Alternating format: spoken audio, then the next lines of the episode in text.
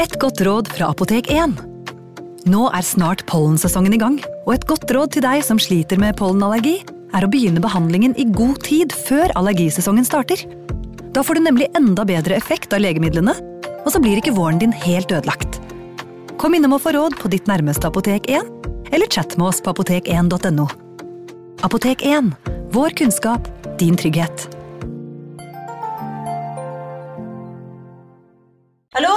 Jeg kommer fra Oslo politikammer.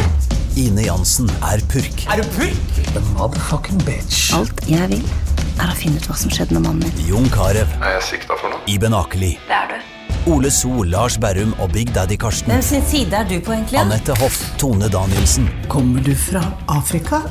Jørnis Josef, Nesten kløfta. Trond Espen Seim, Det er synd å si det, men det var feil mann som døde. Purk. Premiere tirsdag på TV2 Play. Hei! Takk for at du lytter til True Crime Podden dokumentar. Skulle du ønske at du kunne høre en ny episode av denne podkasten hver eneste uke? Vel, da er det bare å laste ned podkastappen Untold med en gang. I tillegg til ukentlige episoder av podkaster som Skrekkpodden, Synderne og True Crime Podden, får du masse annet reklamefritt og eksklusivt innhold. Last ned Untold i AppStore eller Google Play, og start din 30 dagers prøveperiode i dag. you.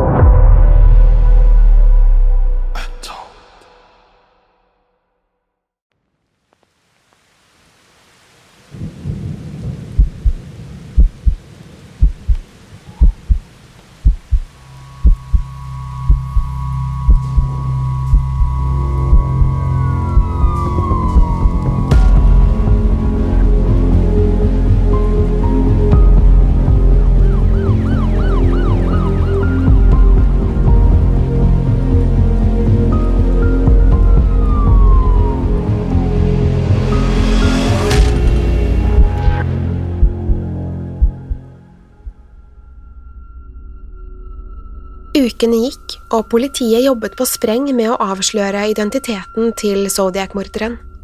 Med fem menneskeliv på samvittigheten og trusler om å slå til igjen, var det et konstant kappløp mot tiden. Klokken to på natten den 22. oktober 1969 ringte telefonen på politikontoret i Oakland. I den andre enden hørtes en rolig mannsstemme. Han åpnet med en replikk som umiddelbart sendte frysninger nedover ryggen til operatøren. This is the Zodiac speaking. Politiet var forsiktige med å ta slike henvendelser for god fisk. Den enorme oppmerksomheten rundt saken gjorde at politiet forventet at folk både kopierte og imiterte morderen. Daglig kom det brev og telefoner fra mennesker som utga seg for å være drapsmannen. Politiet valgte likevel å følge opp alle henvendelser. Zodiac hadde åpenbart et stort oppmerksomhetsbehov og tok stadig større risiko. Denne gangen fulgte innringeren opp med en forespørsel. Han ønsket å komme i kontakt med en advokat. Han spurte spesifikt etter F. Lee Bailey, som tidligere hadde forsvart The Boston Strangler eller Melvin Belly. Han ønsket å snakke med en av disse mennene via telefon på et populært direktesendt talkshow. Politiet var fremdeles ikke overbevist om dette faktisk var morderen, men muligheten til å få ham i tale var umulig å ignorere. Det ble dermed gjort forberedelser, og advokat Melvin Belly sa seg villig til å prate med ham. Belly og programlederen satt i spenning og ventet på at telefonen skulle ringe. Mange samlet seg foran fjernsynsapparatet i håp om å faktisk høre stemmen til den beryktede morderen. Klokken ti over syv ringte det for første gang, men innringeren sa bare noen få ord før han la på. Ti minutter senere ringte det igjen. Denne gangen fikk de han i snakk. Han oppga navnet Sam og gikk med på å treffe Melvin Belly på Fairmount hotell, men insisterte på at Belly måtte komme alene. Sam fortsatte å legge på før han ringte opp igjen noen minutter senere. Dette fortsatte i over to timer. Antageligvis var dette i frykt for at samtalene skulle spores av politiet. De korte samtalene gjorde det umulig å fastslå hvor han ringte fra. Teknologien var svært begrenset på denne tiden, og en sporing tok opptil flere minutter. Sam fortalte at han var syk og led av ekstreme hodepiner. Han antydet at drap var den eneste lindringen for disse smertene. På et tidspunkt slapp han ut et plutselig skrik og forklarte at det var som følge av den intense smerten. Han begynte så å fortelle at han fremdeles planla å drepe en større gruppe barn. Zodiac hadde tidligere skrevet at han ønsket å utslette en hel skolebuss, og denne kommentaren spilte antageligvis på denne trusselen. Sam og Belly ble til slutt enige om et nytt møtested og tidspunkt før de avsluttet samtalen. Sam hadde insistert på at Belly skulle komme alene, men politiet fulgte naturligvis situasjonen tett. Politiet ble igjen fulgt av reportere, fotografer, varebiler og hele TV-team. Flere håpet at Zodiac faktisk skulle møte opp, men etter 45 minutter ga Belly opp og forlot møtestedet. De innså at morderen, hvis det virkelig var han som hadde snakket med Belly, ikke planla å dukke opp. Sam hadde ikke avslørt noe som kunne hjelpe politiet, og han hadde heller ikke overbevist dem om at han var morderen. Politimannen som opprinnelig hadde snakket med innringeren, var ikke overbevist om at det var samme person som hadde snakket med Melvin Belly. Brian Hartnell, som overlevde angrepet ved Lake Berryessa, fikk lytte til opptaket. Politiet håpet at han kunne fortelle dem om dette var stemmen til mannen som hadde forsøkt å drepe han. Ifølge Brian var det lite trolig at dette var samme person. Han husket gjerningspersonens stemme som dypere og eldre enn innringerens. Denne personen manglet både roen og selvtilliten til Zodiac. Sannheten om denne innringeren skulle snart komme ut. Sam viste seg nemlig å være innlagt på et mentalsykehus.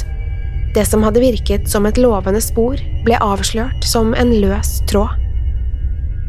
Sam var ikke annet enn en forstyrret gutt som hadde latt seg påvirke av den virkelige morderen. Den 10. november mottok The Chronicle nok et brev fra Zodiac. Denne gangen var det ingen tvil om at dette kom direkte fra morderen. I brevet var det nemlig inkludert en ny bit av Paul Steins blodige skjorte. Zodiac hevdet nå å ha drept syv mennesker, selv om politiet kun mistenkte han for fem drap. Politiet forsto ikke om han refererte til Michael McGough og Brian Hartnell, som begge overlevde, eller om det var snakk om ytterligere to drap. Dette fikk etterforskerne til å revurdere en rekke uløste drapssaker som de foreløpig ikke hadde knyttet til Zodiac. This is the Zodiac speaking, åpnet brevet slik det vanligvis gjorde. Han inkluderte også en beskjed som antageligvis var ment å gi etterforskerne et lite hint. Nederst i brevet var det nemlig skrevet desember, juli, august, september, oktober er lik syv.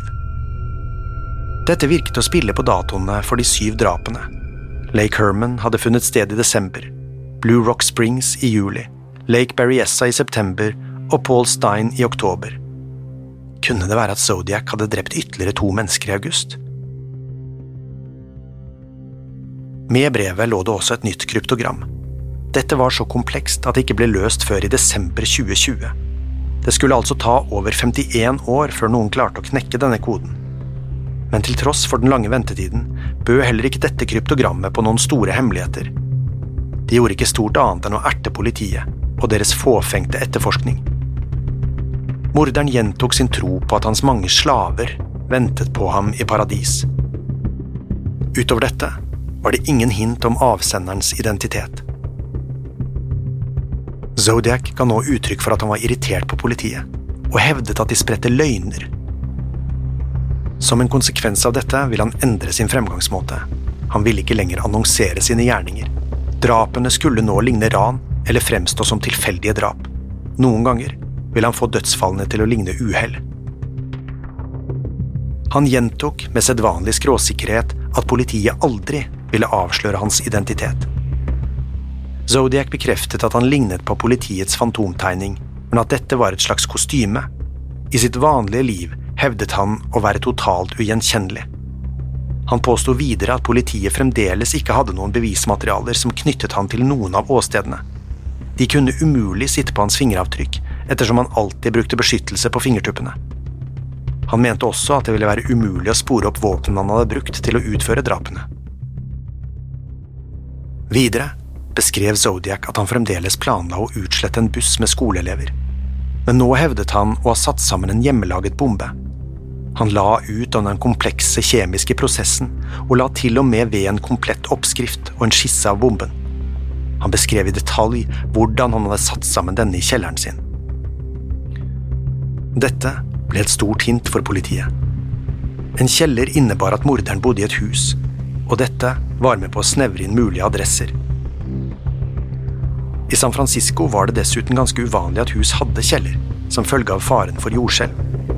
Politiet antok fremdeles at morderen bodde i San Francisco basert på hans åpenbare lokalkunnskap. Med denne informasjonen kunne etterforskerne begynne å sirkle seg inn på noen utvalgte boligområder. Melvin Belly trodde kanskje at hans samtale med Sam var det nærmeste han ville komme Zodiac.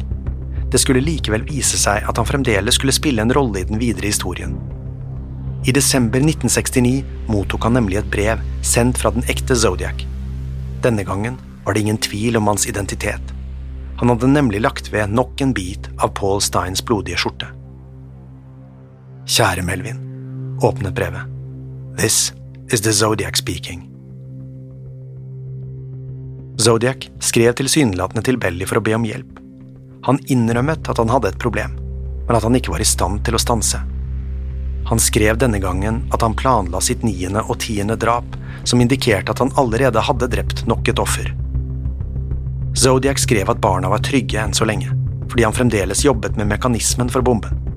Han antydet at han ville miste kontrollen dersom han ikke drepte igjen, i løpet av kort tid. Hjelp meg, jeg drukner, avsluttet han brevet. Politiet spekulerte i hvem det åttende offeret kunne ha vært, men de klarte aldri å finne en definitiv kandidat. Flere hang seg opp i de lingvistiske detaljene i brevet. Bruken av uttrykk som Happy Christmas fremfor Merry Christmas, så vel som bruken av ordet kiddies om barn, fikk noen til å spekulere i om Zodiac kanskje var britisk. Belly forsøkte igjen å avtale et møte med Zodiac, i håp om å kunne hjelpe ham. Han var overbevist om at brevet var et genuint rop om hjelp fra morderen. Belly følte at morderen hadde alvorlige problemer, og at han ønsket å slutte å drepe. Til tross for Bellys utstrakte hånd hadde han aldri igjen kontakt med Zodiac. Morderen fortsatte i stedet å sende brev til avisene, hvor han hintet om sin identitet. Han spurte ertene om de hadde løst det siste kryptogrammet, og inkluderte en ny kode som han hevdet ville avsløre hans virkelige navn. Denne besto av 13 symboler, tall og bokstaver. Mange forsøkte å knekke koden, men ingen var i stand til å finne en definitiv løsning. Kanskje var dette bare en spøk fra morderens side. Han hadde tidligere løyet om å skjule navnet sitt i kryptogrammene. Mange følte at han aldri ville våge å gi noen direkte hint om sin identitet.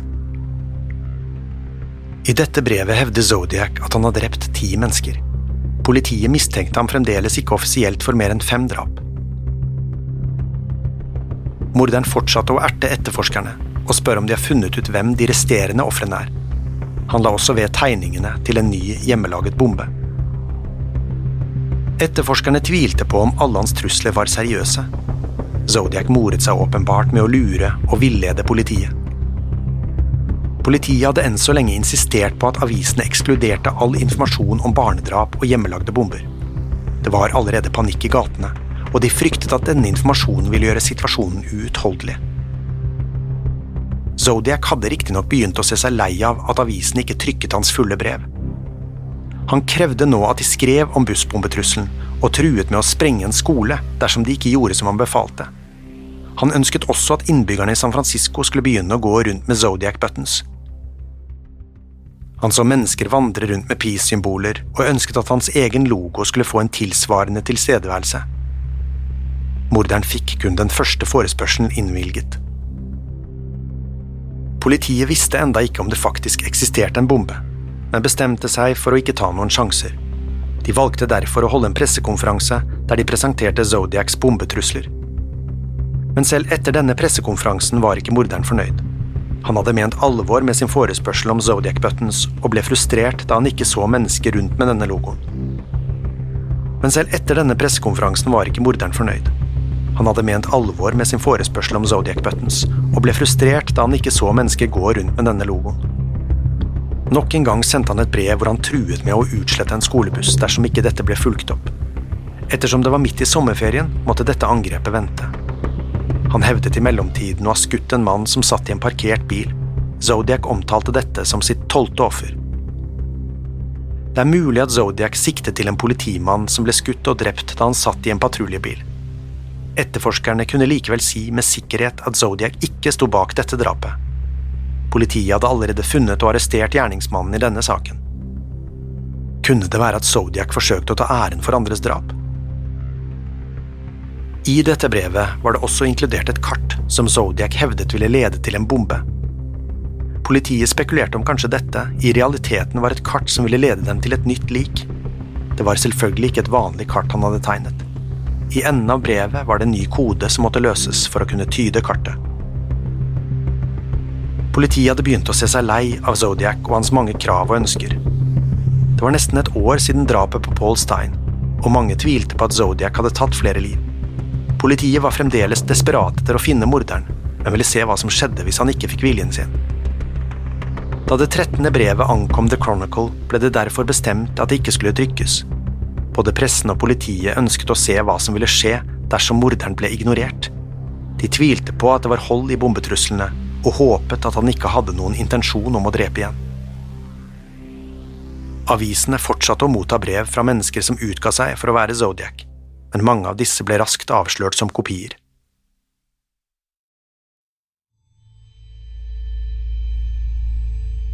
Paul Avery jobbet som journalist for The Chronicle og hadde skrevet en rekke saker om Zodiac-drapene. Den 28. oktober 1970 mottok han et brev sendt direkte fra morderen. Brevet inkluderte et halloween-kort med et dansende skjelett på forsiden. På kortet sto det i store bokstaver Fra din hemmelige venn. Det antas at brevet var ment som en direkte trussel.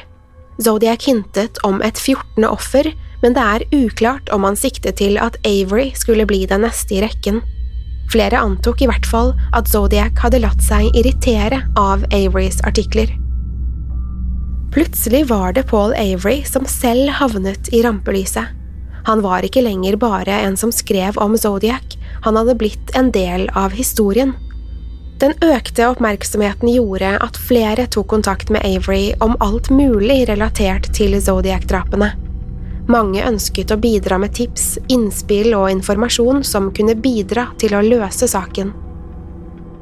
Det var utallige ville teorier og mennesker som var overbevist om at de kjente Zodiacs virkelige identitet. De fleste meldingene lot seg riktignok avkrefte i løpet av kort tid. En dag mottok riktignok Avery et brev som skilte seg ut i mengden. Brevet omhandlet et drap som fant sted i Riverside, California i 1966.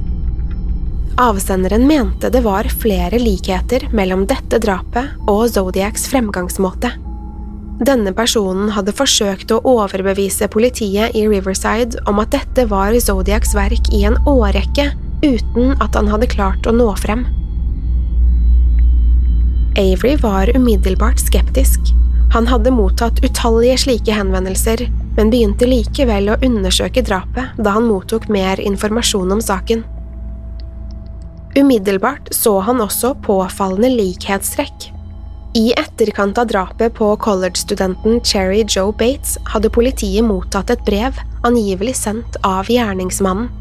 Dette brevet var signert med bokstaven Z. Avery satt umiddelbart kursen mot Riverside for å lære seg mer om saken. Her fikk han tilgang på både bevismateriale og saksdokumenter. Helt siden han så brevet fra gjerningsmannen, hadde Avery følt at dette måtte være Zodiacs håndverk. Cherry Joe Bates hadde blitt funnet drept ikke langt fra skolens bibliotek. Hun hadde blitt utsatt for et brutalt overfall og påført flere dype knivstikk. Hun hadde kjempet tappert imot, men til slutt ble hun overmannet av gjerningspersonen. I nærheten av liket ble det funnet et armbåndsur som hun antageligvis hadde revet av morderens håndledd under overfallet. En måned etter drapet, i november 1966, mottok politiet et maskinskrevet brev fra en person som hevdet å være gjerningspersonen. Overskriften på dette brevet var Tilståelsen. Forfatteren tok på seg skylden for drapet og kunne presentere spesifikke detaljer fra åstedet. Dette var informasjon som kun gjerningsmannen og politietterforskerne ville ha kjennskap til. Videre skrev han at Cherry ikke var hans første offer, og kom heller ikke til å bli hans siste. Forfatteren av brevet avslørte en bitterhet mot alle jenter som hadde avvist han. Videre fantaserte han om å drepe på en nesten erotisk måte. Det virket på mange måter som drapene ga han en intim, nesten seksuell tilknytning til ofrene sine. Samtidig var det en morbid brutalitet i språket hans. Han ønsket å kutte av sine ofres intime deler og stille dem ut til spott og spe. Måten han omtaler drap, bar mange likhetstrekk med Zodiacs brev. Han beskrev det som moro, og at overfallene ga han en enorm tilfredsstillelse. Dette brevet var riktignok enda mer eksplisitt i sin skildring av seksualitet og overgrep enn Zodiac pleide å være. Jeg er ikke syk, jeg er sinnssyk, men det vil ikke stanse spillet. Dette brevet burde publiseres så alle kan lese det. Disse linjene har åpenbare koblinger til Zodiac. Ideen om at brevene burde publiseres i pressen, var noe Zodiac var svært opptatt av. Kanskje ble denne ideen født allerede her? Spillet, eller The Game, som blir omtalt her, refererer muligens til novellen The Most Dangerous Game. Denne handler om mennesker som blir jaktet som byttedyr, og ble også nevnt av Zodiac i hans tekster. Et halvt år senere mottok pressen, politiet og Sherrys far håndskrevne brev angivelig fra samme person. Det var disse brevene som var signert med det som lignet bokstaven Z. Det har riktignok ikke blitt utelukket at dette også kan være et totall. Eksperter på håndskrift fastslo at Riverside-brevene måtte være skrevet av Zodiac. Paul Avery endte opp med å skrive om denne koblingen, og foreslo at dette var en av Zodiacs tidligere drap. Zodiac sendte snart et nytt brev, der han bekreftet at det var han som sto bak drapet på Cherry Joe Bates. Samtidig antydet han at Cherry bare var ett av utallige andre drapsofre. Det var liten tvil om at Zodiac sto bak de håndskrevne brevene til Riverside-politiet. Alle var riktignok ikke like overbevist om at han faktisk var ansvarlig for drapet. Det ble spekulert i om han kanskje komponerte brevene i et forsøk på å ta på seg æren for andres drap. De håndskrevne brevene var tross alt sendt flere måneder etter at ugjerningen fant sted. Det skulle gå fem måneder uten at Zodiac lot høre fra seg. Mange begynte å spekulere om han aldri igjen ville kommunisere med pressen. Men så i mars 1971 skulle The Los Angeles Times motta et brev fra Zodiac. I motsetning til alle hans tidligere brev var ikke dette sendt fra San Francisco. Det var i stedet poststemplet i Pleasanton. Som alltid åpnet brevet med den samme linjen. This is the Zodiac speaking. Han antydet nå at han aldri hadde sluttet å drepe, og hevdet at han var oppe i 17 ofre. Han fortsatte å erte politiet og mente de måtte gjøre en bedre jobb hvis de noen gang skulle avsløre han. Han tok i dette brevet på seg skylden for drapet i Riverside. Paul Avery mottok snart et nytt postkort fra morderen. Dette refererte til hans tolvte offer, og antydet at det var en kobling til Lake Tahoe i Nevada. Dette ledet til spekulasjoner om at Zodiac sto bak det uløste drapet på Donna Lass. Hun hadde forsvunnet fra Lake Tahoe i september 1970, men det hadde aldri blitt oppdaget et lik. Det har aldri blitt gjort noen direkte koblinger mellom denne forsvinningen og Zodiac. Det hadde heller aldri vært noen andre mistenkte i saken. Donnas forsvinning forblir en uløst sak til denne dag. Flere mente at dette var enda et tilfelle hvor Zodiac tok på seg æren for drap han ikke utførte selv. Etter dette postkortet forble Zodiac stille i flere år.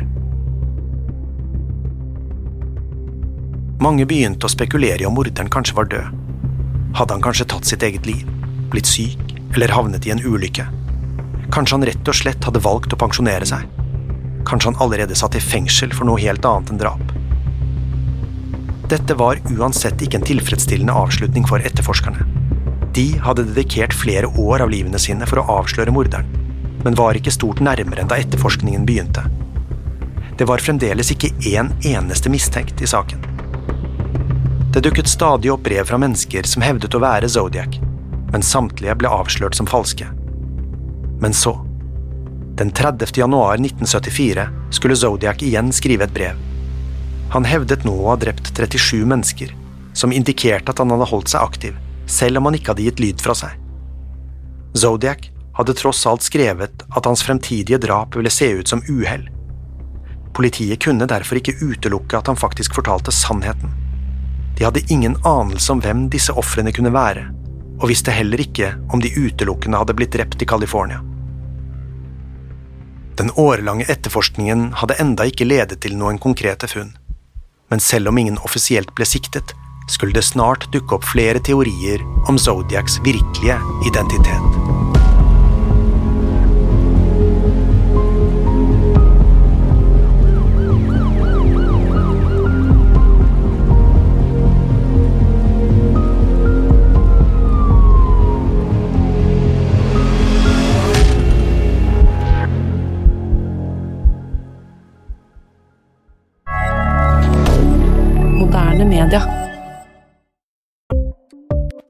Ukens annonsør er Folio, en smartere banktjeneste for deg som har en egen bedrift eller ønsker å starte for deg selv. Folio er en superenkel nettbank for bedrifter. Som kunde i Folio får du en bedriftskonto med et bedriftskort og app. I denne appen er det smarte løsninger som forenkler regnskapet ditt, uansett om du har en liten bedrift eller et enkeltpersonsforetak. Folio er både intuitivt og brukervennlig, og er laget med et enkelt språk. I tillegg tilbyr de forutsigbare priser og ingen skjulte gebyrer. Skulle du likevel trenge det, så kan du snakke med deres raske og hyggelige kundeservice, og der får du prate med en faktisk person og ikke en chatbot. Folio er med andre ord både enklere og koseligere enn banken. Over 10 000 bedrifter har allerede valgt Folio som sin banktjeneste, så besøk folio.no og se hvordan Folio kan forenkle din hverdag også. Har du et enkeltpersonforetak eller en liten bedrift? Da er du sikkert lei av å høre meg snakke om hvor enkelt er med kvitteringer og bilag i fiken, så vi eh, gir oss her, vi. Fordi vi liker enkelt. Fiken superenkelt regnskap. Kiwi er billigst i VGs matbørs og har vært billigst i fire av de fem siste VGs matbørser. Og nå presser vi prisene på frukt og grønnsaker. På 200 gram broccolini setter vi prisen til 24,90. På 400 gram Cevita blåbær setter vi prisen til 49,90. Og husk, alle Kiwi Pluss-kunder får i tillegg 15% trumfbonus på all fersk frukt og grønt. For det er vi som er prispresserne. Og vi i Kiwi gir oss aldri på pris.